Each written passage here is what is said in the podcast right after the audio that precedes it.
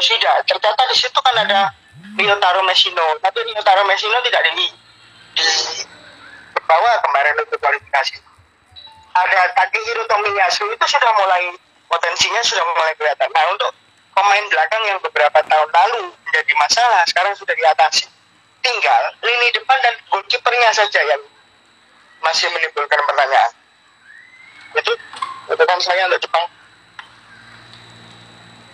Dari skor tim Samurai Biru lawan Mongolia 14 gol tanpa balas.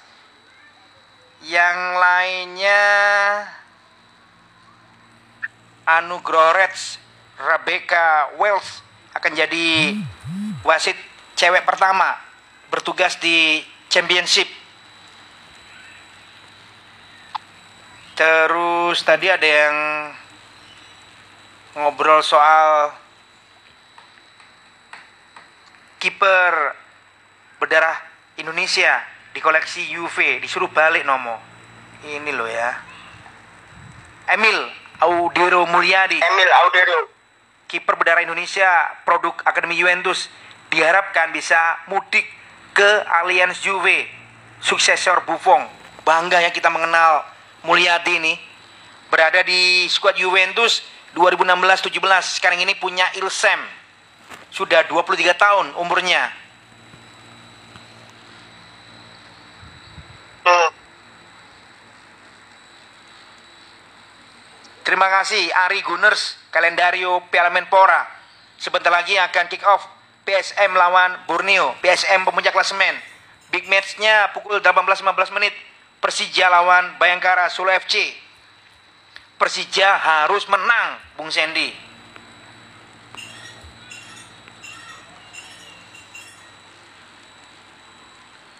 Ismail ngasih cerita Pep Guardiola punya hubungan nggak bagus dengan agennya Erling Haaland, Mino Raiola. Di cerita lawas ketika itu Mino menjual Selatan Ibrahimovic. Lainnya Nomo?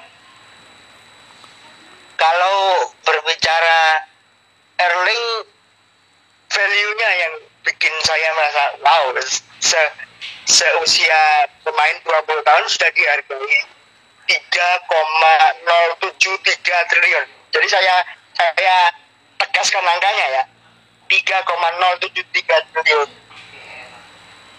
Nah Barcelona sudah nggak mampu membeli itu karena kemarin kita tahu sendiri kan nyari dana sponsor saja susah. Nah untuk uh, berada di tim seperti Madrid, City ataupun Barcelona, ini kan jadi pertanyaan besar. Di Dortmund dia sudah dia sudah bisa tampil luar biasa karena didukung oleh pembagi bola yang luar biasa juga. Ya jadi tidak tidak tidak melulu mencari bola, tapi bola yang mencari di mana halan. Tapi biasanya kalau pemain sudah diberikan spotlight seperti itu, saya takutnya malah anti klimaks. Saya takutnya malah anti klimaks. Nggak jadi teringat case-nya Eden Hazard karena Hazard ketika pindah ke Real Madrid dari Chelsea juga mendapatkan spotlight yang luar biasa dari beberapa media dianggap sebagai the next-nya CR7 Real Madrid tapi ternyata performanya juga down karena sering injured ya. Haikun, Erling Haaland, aku berani bertaruh Bung Sandi menuju ke Bernabeu. Kalau yang tadi itu memang bisa dipertanggungjawabkan ya cerita keluarganya sudah beli rumah di Spanyol. Ya kalau ke Barcelona kurang kuat finansialnya kan ambruk lagi. Ya. Memelihara Messi Mm -mm. sampai dengan hari ini kan udah kedodoran tuh kasnya El Barca datang Erling Haaland ya aku ngerti aku ngerti Kalau bisa mulus maka dia bisa menjadi suksesornya seorang Karim Benzema. Mengingat dia adalah seorang center forward murni yang finishernya cukup tajam dan juga di Real Madrid masih memiliki ball passer sekelas Toni Kroos di sana. Jadi bisa, bisa ke sana. Asalkan dia tidak tenggelam saja namanya seperti seorang Luka Jovic. Mentalnya harus kuat dulu. Tapi ini jadi hal yang sangat disayangkan karena apa yang menjadi ucapan Matt Hummels ternyata tidak terbukti. Matt Hummels bahkan Roman Burki pernah memberikan wejangan ya ketika Erling Haaland tampil luar biasa di dua pertandingan pertamanya bersama Dortmund di Bundesliga. Nantinya kalau dia dapat sorotan, dia harus konsisten di sini dulu. Dia harus matang di sini dulu. Baru dia bisa pindah ke klub yang lain. Lainnya, Ya, untuk yang lain ke corner clean itu untuk gajah nanti saya saya coba rangkum semua ya. Karena perhatian kita tidak hanya tertuju ke gajah gajah Afrika yang tadi sudah dengan sampaikan di WA saya dua spesiesnya terancam punah. Itu nanti akan saya gabung dengan bagaimana gajah Asia. Ingat gajah Asia juga terancam. Karena dua spesies ini gajah Afrika dan gajah Asia itu adalah dua spesies yang paling diakui di organisasi konservasi alam. Dua gajah ini Hmm. spesies gajah gajah Asia dan Afrika itu adalah dua spesies yang paling diakui di organisasi konservasi alam internasional. Dan dua spesies ini juga dua spesies yang paling populer. Kenapa saya menganggap bahwa dua ini penting untuk disorot tidak hanya Afrika saja. Karena gajah hewan yang ditemukan namanya elepen itu Elephantidae itu di, ditemukan nama ilmiahnya oleh seorang ilmuwan Eropa tahun 1700-an 1780 sekian lah tahun pastinya saya lupa tapi di era 1700-an dan ini sebenarnya sudah menjadi sahabat dalam tanda kutip ya sahabat dari manusia bahkan sejak era kerajaan-kerajaan di tanah Indus India. Nah, gajah ini menjadi gajah ini menjadi selain dua yang diakui dan sangat populer, tercatat kalau dari data yang pernah dirilis, gajah itu dari sekian banyak ordo, sekian banyak keluarga besar spesies gajah yang ada di dunia, setidaknya ada 180 jenis ordo atau keluarga gajah yang sudah lost, sudah punah. Ini yang tersisa gajah Eropa, gajah Asia, dan Afrika. Kalau ordo-ordo yang lain sudah punah bahkan sejak zaman Neozoikum atau zaman pembentukan ini ya, pembentukan isi-isi bumi. Jadi ketika zaman-zaman seperti zaman dinosaurus atau eh, zaman spesies-spesies hewan yang masih ukurannya gede-gede, raksasa-raksasa. Gajah pun sudah punah sejak zaman itu. dengerin aja bola mini ya. Anda nggak usah seperti Cindy Kipul ya, geleng-geleng kepala. Ini Nomo sebenarnya kuliahnya di kampus apa ya, sampai sebelum bumi ini ada sudah ngerti. Garu aku. Ini masuk di fakultas apa ya, kuliahnya Nomo. Cuman di sini aku membayangkan ya pada saat ngomongin punahnya hewan gajah, bagaimana keadaan sekarang ini kebun binatang Surabaya, Ragu, taman safari di mana pun, cara pengelolanya ya memberikan makan di tengah pandemi, menungso ya sangil mangan. Aduh, kita doakan aja lah ya. Ya, Hewan-hewan di sana tidak banyak yang meninggal dunia dan tetap puasanya sampai dengan akhir tuntas. Kan dianggap puasa aja nomo. Hah? Kreatif. ya dianggap bahasa. Tapi juga begini, saya juga ingin mengkampanyekan ya. Kenapa sih kita harus sayang sama nih gajah-gajah gajah-gajah gajah ini? selain tadi yang sudah saya sampaikan 180 ordo atau jenis keluarga ya 180 jenis keluarga ini yang sudah punah dan hanya tinggal Asia, Eropa, dan Afrika yang menjadi penyebab gajah ini terancam punah. Statusnya adalah zona merah atau zona kritikal, zona kritis adalah perburuan. Satu perburuan terhadap gajah. Jadi langsung dibunuh gitu. Karena ada beberapa beberapa suku di Afrika itu setahu saya bahkan ini sempat didokumenterkan ya beberapa tahun yang lalu beberapa suku di Afrika itu menganggap gajah itu salah satu sumber makanannya jadi dagingnya bu jadi apa agak agak ini ya agak freak agak ngeri. Gajah ini sumber dagingnya di beberapa suku pedalaman. Selain itu juga yang paling penting lagi perburuan gadingnya. Ini yang ini yang penting. Ini yang penting. Perburuan gading gajahnya ini yang yang sering kali dipakai orang untuk alasan kenapa sih membunuh gajah? Memburu gajah kenapa sih? Karena gadingnya karena ada seseorang yang pernah menulis sebuah blog. Itu pernah saya baca sekitar lima atau empat tahun yang lalu. Dia berani membuka kira-kira berapa harganya gading gajah itu di black market. Ratusan bahkan sampai miliaran rupiah kalau dikonversikan ke rupiah ini mahal gadingnya. Maka dari itu ini menjadi orang-orang untuk berburu gajah. Karena apa? Berburu gadingnya itu.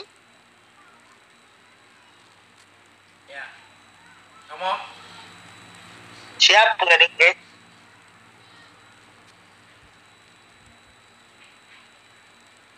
putus ngomong halo nah ini dah nah ada tambahan yang lain mungkin Bu Tadi tadi soalnya sudah panjang lebar tentang gajah. Nanti sisanya saya masukkan di podcast. Beleng aku kena harga gading yang menjadi alasan para pemburu ya? Juga yang lain dari laut seperti apa? Sirip ikan hiu. Aduh. yes ya dan kalau teman-teman pengen tahu bagaimana sih caranya membedakan mana elemen tidai dari Asia maupun dari Afrika nah itu nanti saya akan juga post di podcast ini kan. Kemarin kita sudah bicara tentang hutan yang tinggal 24 persen. Sebenarnya hutan ini kita perlu juga dan sudah saya rilis di podcast. Terima kasih buat Mas Surya yang sudah cover itu. Jadi semuanya kita butuh sekarang. Keberlangsungan ekologi ini kita butuh. Overlapping ke Papua. Cerita paling anyar Ya. nama-nama yang sekarang ini berada di skuadnya Jackson ya. Konsentrasi untuk Piala AFC Mhm. kiper Dede Sulaiman. Wah lawas nih. Dede Sulaiman goalkeeper Persipura. Ada Gary Mandagi Mario Landa Fitrul Dwi Rustapa. Defender Persipura bola ini ya. Jackson mengkoleksi kakak Ricardo. Ini juga sangat senior. Ricardo Salampesi Milanis di sana. Doni Monim Israel Wamiau Immanuel Rumbiak Efraim Tonci Awes Tipa masuk di situ ya Justinus Pai David Rumaki Wolf Horota. Ini baru dengar aku. Wolf Horota. Backnya Persipura. Posisi midfield kakak Ian di situ. Ian Luis Cabes Nelson Alom Takuya Matsunaga Jose Maniagasi Teovilo Numberi Brian Fatari satu lagi Patrick Wom Siwo depannya Boci Pahabo Ricky Kayame Gunansa Mandowen. Mudah-mudahan dalam waktu dekat bisa kita dengerin ya per- pernyataan dari Jackson sejauh mana nih latihan Persipura Jayapura persiapan Piala AFC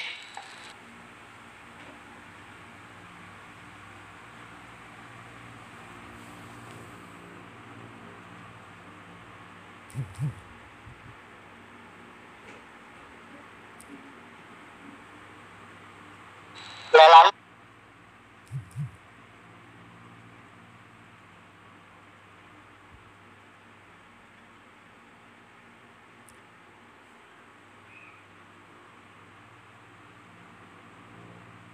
akan jatah lah setidaknya masuk ke kualifikasi. Ini ini kalau mau dan fight ya kalau mau cek di sini harus bisa masuk ke interzona atau semifinal Piala AFC ini berat karena biasanya ki- kita ini gagal di fase knockout.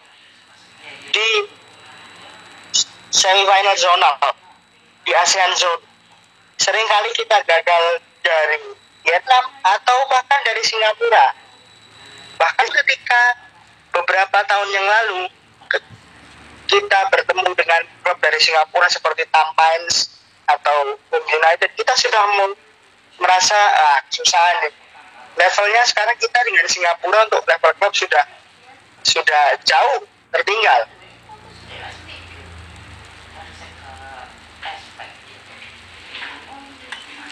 Apalagi Nomo?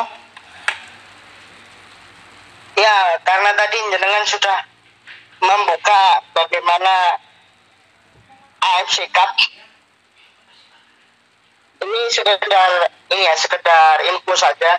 Nantinya AFC Champions League dan juga AFC Cup itu hostnya sama-sama sentralistik ya sama-sama sentralistik untuk AFC Cup ini yang saya underline AFC Cup AFC sendiri sudah menunjuk ke beberapa nama terhitung di sini mulai dari A itu ada Bahrain salah satu klubnya yaitu Al Hid menjadi host di situ. Lalu ada Al Sadd dari Jordania menjadi tuan rumah di grup B. Begitu juga dengan Al Faisali. Lalu di grup D untuk kawasan Asia Selatan ada Mazia Sport and Entertainment. Itu di grup D Mazia dari Maladewa kalau Al Faisali tadi dari Jordan ya. Untuk grup E itu ada Tordoi. Tordoi dari Kyrgyzstan menjadi host untuk grup E. Lalu F ada Hujan Hujan Tajikistan bersaing dengan AGM Kaol Malik Altin Ashir dan juga Alay Kyrgyzstan itu Hujan menjadi host. Tinggal Asia Tenggara. Asia Tenggara untuk grup G dan I dua sudah ditentukan tuan rumahnya dua sudah ditentukan tuan rumahnya hanya tinggal menunggu bagaimana di grupnya Bali United di grup G. Ada Hanoi ada Buangket Angke dan pemenang playoff zona Asia Tenggara. Ini belum ditentukan oleh AFC nah nanti Persipura akan tergabung di grup A. Kalau lolos ada Kedah Darul Aman Lion City Sailors dan juga Saigon Vietnam. Satu nama yang harus saya underline di sini adalah Kedah Darul Aman dan juga Saigon dua tim ini bisa berpotensi menyulitkan Persipura kalau Persipura berhasil lolos ke grup ini. Dan bertandang ke Singapura Lion City kalau kita lihat profilnya tim ini punya julukan LCS Nick, nickname-nya adalah LCS punya owner namanya C Limited. Lawannya di Bishan Stadium Bishan. Dan kesulitannya nanti kalau bermain di Singapura di Stadium Bishan adalah rumputnya yang menggunakan rumput sintetis. Indonesia belum terlalu terbiasa dengan rumput ini. Sepakat. Itu bisa di ya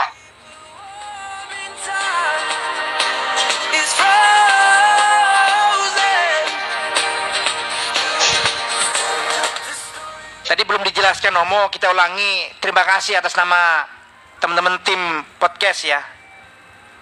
Terbaru yang dengerin podcast ada Gibol Columbia. Aku ulangi, podcast ini, podcast ini meluncur karena kita punya dosa Sabtu Minggu nggak ada siaran sepak bola makanya terima kasih ke Nomo teman-teman yang lain berada di podcast ketika anda akhir pekan ngerasa ada sesuatu yang kurang pas gitu ya mudah-mudahan hadirnya podcast ini bisa menjadi pengganti lah Ya. Terima kasih juga untuk tim yang terlibat ya, terutama Mr. Surya yang terkadang request ke saya minta apa dan kalau bicara Kolombia ini adalah salah satu host Copa America tahun 2021 bersama dengan Argentina. Nah nanti untuk materi Euro Copa America Road to Grand Event di podcast saya akan sediakan materinya. Insya Allah mulai nanti awal puasa ya. Ditunggu saja.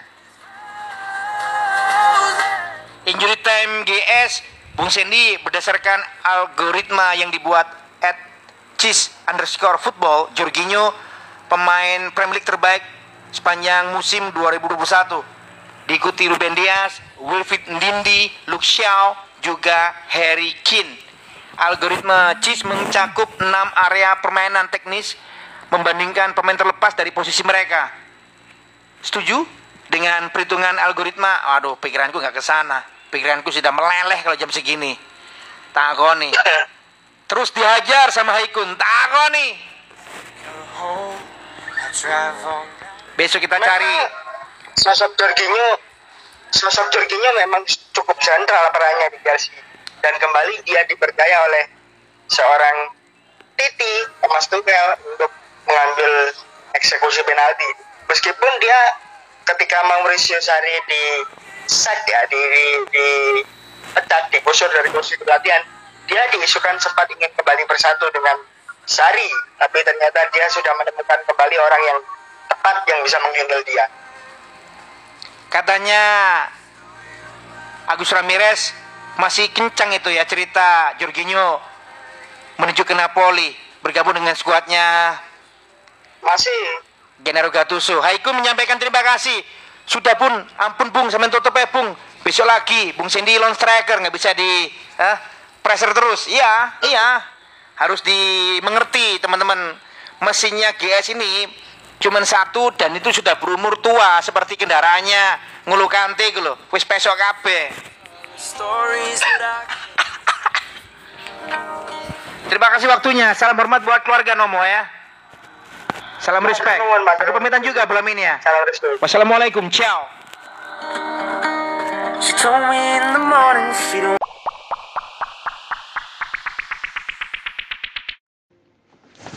Kalau tadi Anda mendengarkan program Gibol Susana sekitar pukul 14.30-an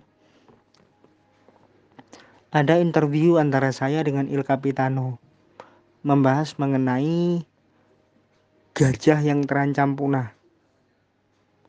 Karena ini penting untuk dijadikan isu mengingat ada catatan dari Persatuan Internasional untuk Konservasi Alam atau IUCN International United Conservation for Nature.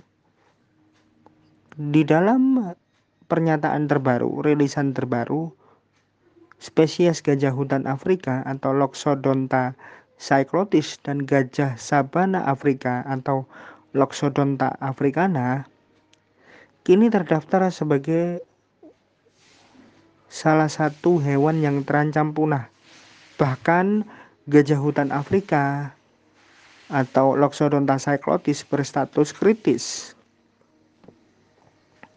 Sebelumnya, gajah telah dihitung bersama sebagai satu kelompok dan terdaftar sebagai hewan yang rentan, bukan sebagai hewan yang terancam punah di daftar merah spesies terancam punah milik IUCN, milik IUCN. Namun, pemahaman baru tentang genetika gajah kini mengarah pada daftar terpisah antara gajah hutan dan sabana. Gajah tersebut terancam oleh penurunan populasi terkait dengan perburuan dan hilangnya habitat yang disebabkan oleh manusia. Laporan di 2016 menunjukkan bahwa jumlah spesies gabungan gajah Afrika jadi Loxodonta cyclotis dan africana diperkirakan jumlahnya sekitar 415.000 ekor. Menurut IUCN, jumlah gajah hutan Afrika turun lebih dari 86% selama 31 tahun. Sementara populasi gajah sabana Afrika menurun setidaknya 60% selama 50 tahun terakhir. Sumber lain juga meng mengabarkan dan tadi juga sudah saya sampaikan bahwa setidaknya ada 180 ya. Kalau angka pastinya di sini saya dapatkan 161 hingga 180 ordo gajah yang sudah punah. Bahkan punahnya ini sejak masa Paleosen. Apa masa Paleosen? Masa Paleosen adalah salah satu bagian dari era atau zaman Neozoikum atau bumi baru atau istilah lengkapnya adalah pembentukan bumi baru. Jadi masih masa di mana bumi ini masih diisi oleh manusia purba. Dari sekian banyak ordo yang sudah punah, ternyata masih ada gajah Asia dan gajah Afrika yang hidup di alam bebas. Tapi sayangnya, dua spesies ini juga dalam status terancam punah sekarang. Penyebab dari terancam punahnya gajah yang menjadi fokus utama dari IUCN adalah perburuan gading gajah, kulit, dan juga dagingnya. Ada buktinya terkait hal ini. Beberapa hal dijelaskan di salah satu sumber yang juga saya kutip, saya ambil Dua hal yang dihubungkan dengan penurunan jumlah gajah adalah perburuan gading dan perusakan hutan. Namun ada bukti tentang meningkatnya permintaan terhadap kulit gajah yang mengancam gajah Asia terutama. Bukti perdagangan kulit gajah muncul di pertengahan tahun 1990-an di Tiongkok. Tapi kini perdagangan kulit gajah itu bukan hanya terjadi di Tiongkok saja.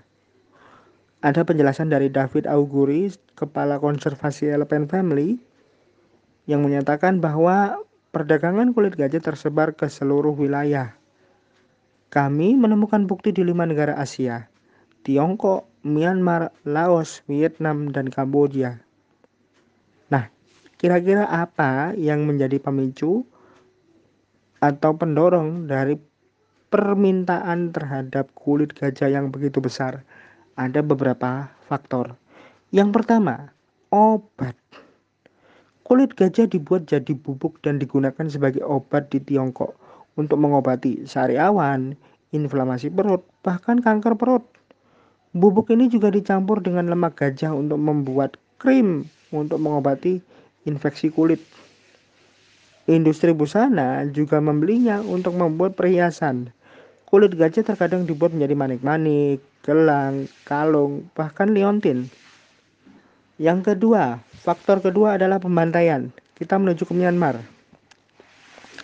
Gajah di Myanmar kini diburu tanpa pilih-pilih, tanpa pandang bulu untuk memenuhi permintaan ini. Jadi, jumlahnya semakin masif di Myanmar. Statusnya juga di gajah ini ditemukan di 13 negara di Asia Total populasinya di alam liar kurang dari 50.000 ekor dan hampir 60 persennya berada di India.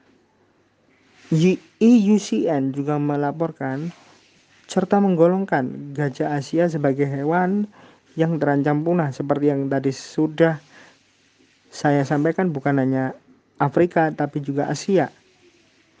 Bahkan gajah betina Asia tidak memiliki gading. Ini berbeda dengan gajah Afrika.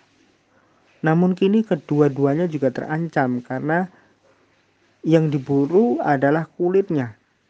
Jadi salah satu komoditi yang paling laris adalah kulitnya. Salah satu penjelasan diungkapkan oleh Peter Lame Gruber, kepala Smithsonian Conservation Biology Institute yang mengatakan bahwa perburuan kulit ini tak pilih-pilih dan berdampak pada gajah betina dan anak-anak. Penting sekali untuk sadar dampak perburuan kulit dan daging ini lebih besar daripada perburuan gadingnya.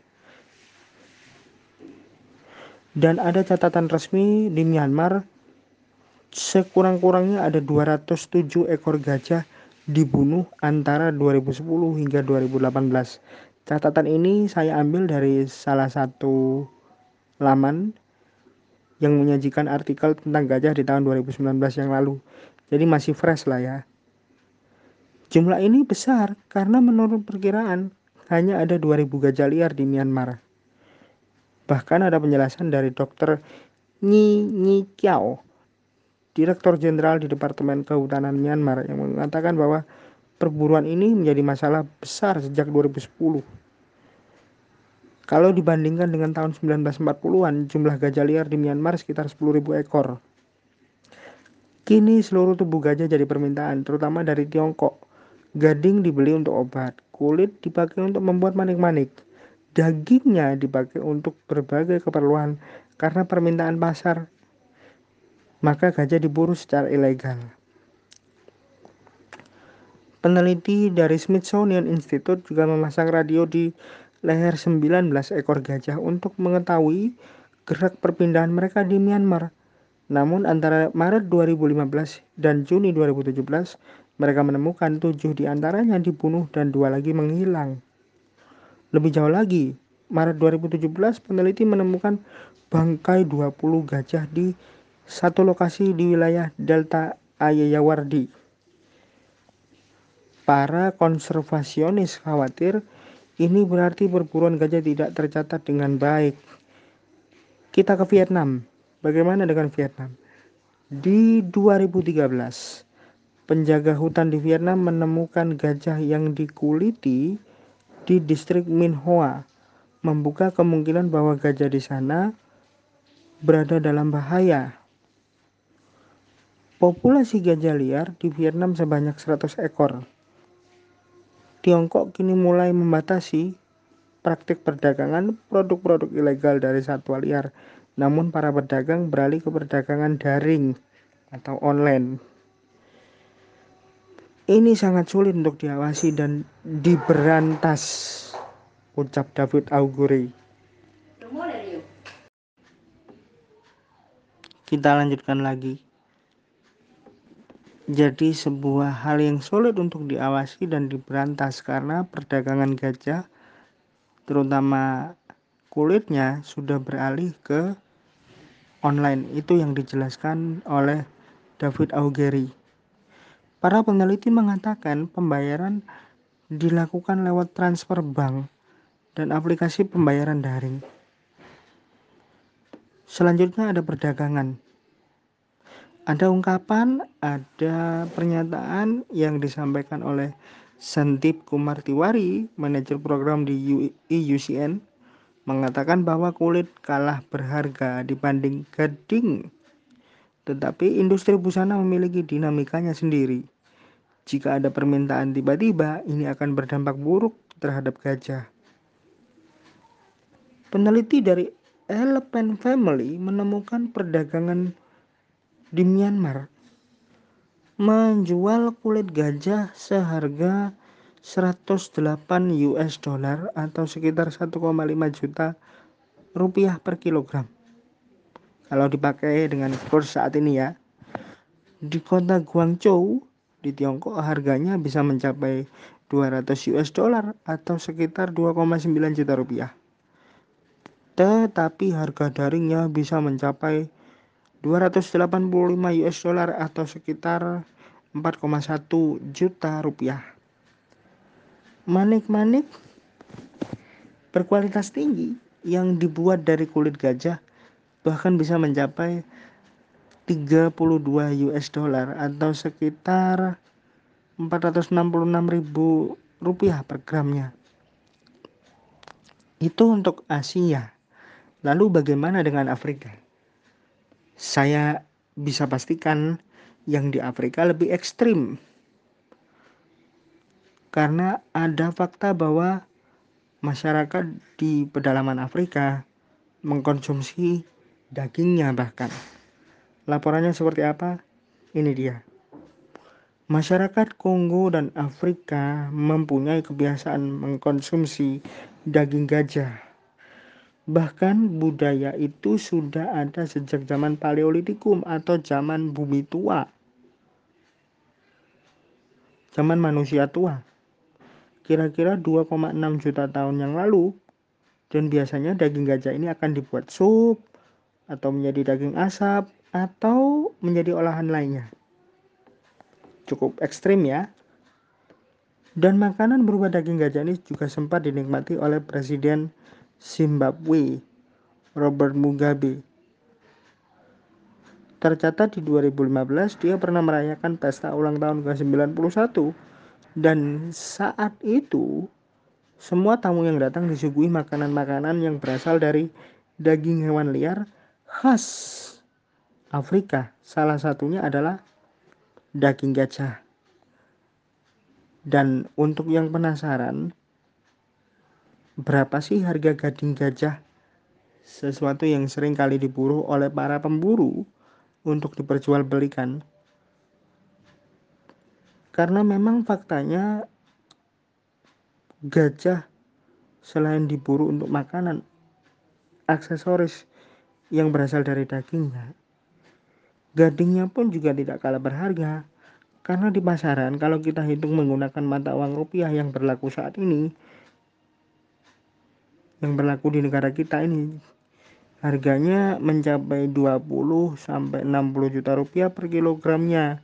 Jadi memang harga gading gajah cukup seksi jika dibandingkan dengan dagingnya. Kalau dagingnya tadi kan sekitar 20-an dolar ya lebih bahkan. Jadi hanya paling banter hanya 5 juta rupiah. Tapi kalau gadingnya, gading gajahnya antara 20 sampai 60 juta rupiah per kilo. Dan beberapa spesies gajah juga sedang berusaha bertahan hidup meski saat ini mereka tidak memiliki gading. Padahal gading bagi seekor gajah cukup penting. Karena apa? Karena digunakan untuk mekanisme pertahanan diri ketika sedang bertempur melawan hewan buas lainnya di alam bebas.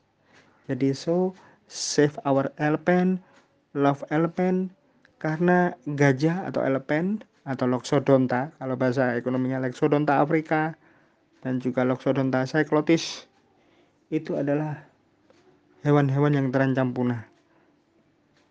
Sayang sekali kalau hewan ini harus punah karena anak cucu kita tidak bisa menyaksikan bagaimana penampakan atau tampilan atau wujud dari Loxodonta africana dan cyclotis. Itu sorotan untuk hari ini dan geser salor un auf Wiedersehen.